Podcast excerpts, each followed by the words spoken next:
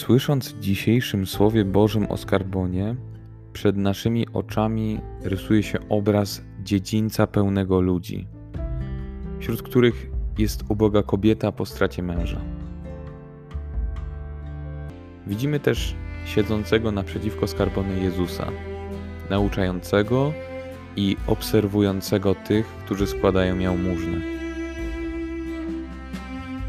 Wszystko to miało miejsce w świątyni jerozolimskiej, czyli w przestrzeni należącej do Boga. To właśnie w tym miejscu Jezus ujawnia prawdę o tych, którzy myśleli i żyli w takim przekonaniu, że do Boga należą. W rzeczywistości dalecy byli od Niego, bo zamknęli swoje serca na innych. Sytuacja ubogiej wdowy jest niesamowita i jednocześnie smutna.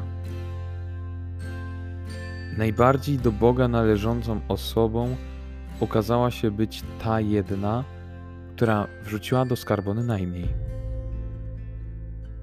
Niesamowitość wynika z tego, że wrzucając swe ostatnie pieniądze, mogła tym samym skazać się na śmierć, ponieważ Kobieta bez męża, jeśli nie miała żyjącego syna, społecznie była skończona w Izraelu w tamtych czasach.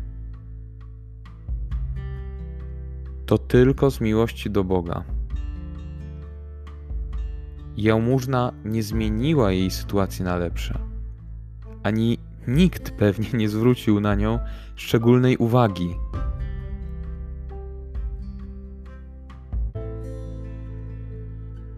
Oprócz Jezusa.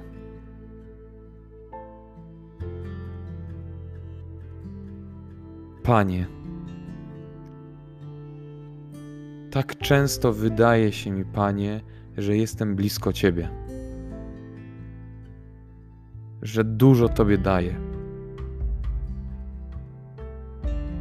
Jednak to wszystko może okazać się tylko złudzeniem karmionym przez moją własną pychę. Czasami też ofiaruję coś z siebie. I szczerze, to nawet czasem skutkuje uznaniem wśród innych.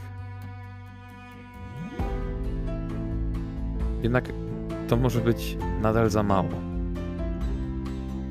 Co więc mam jeszcze Tobie oddać? Całe swoje życie, wszystkie jego sfery. Wówczas przeniknie mnie Twoje spojrzenie. A Ty usłyszysz szelest wrzucanych groszy. To jest moje życie, które ma należeć do Ciebie.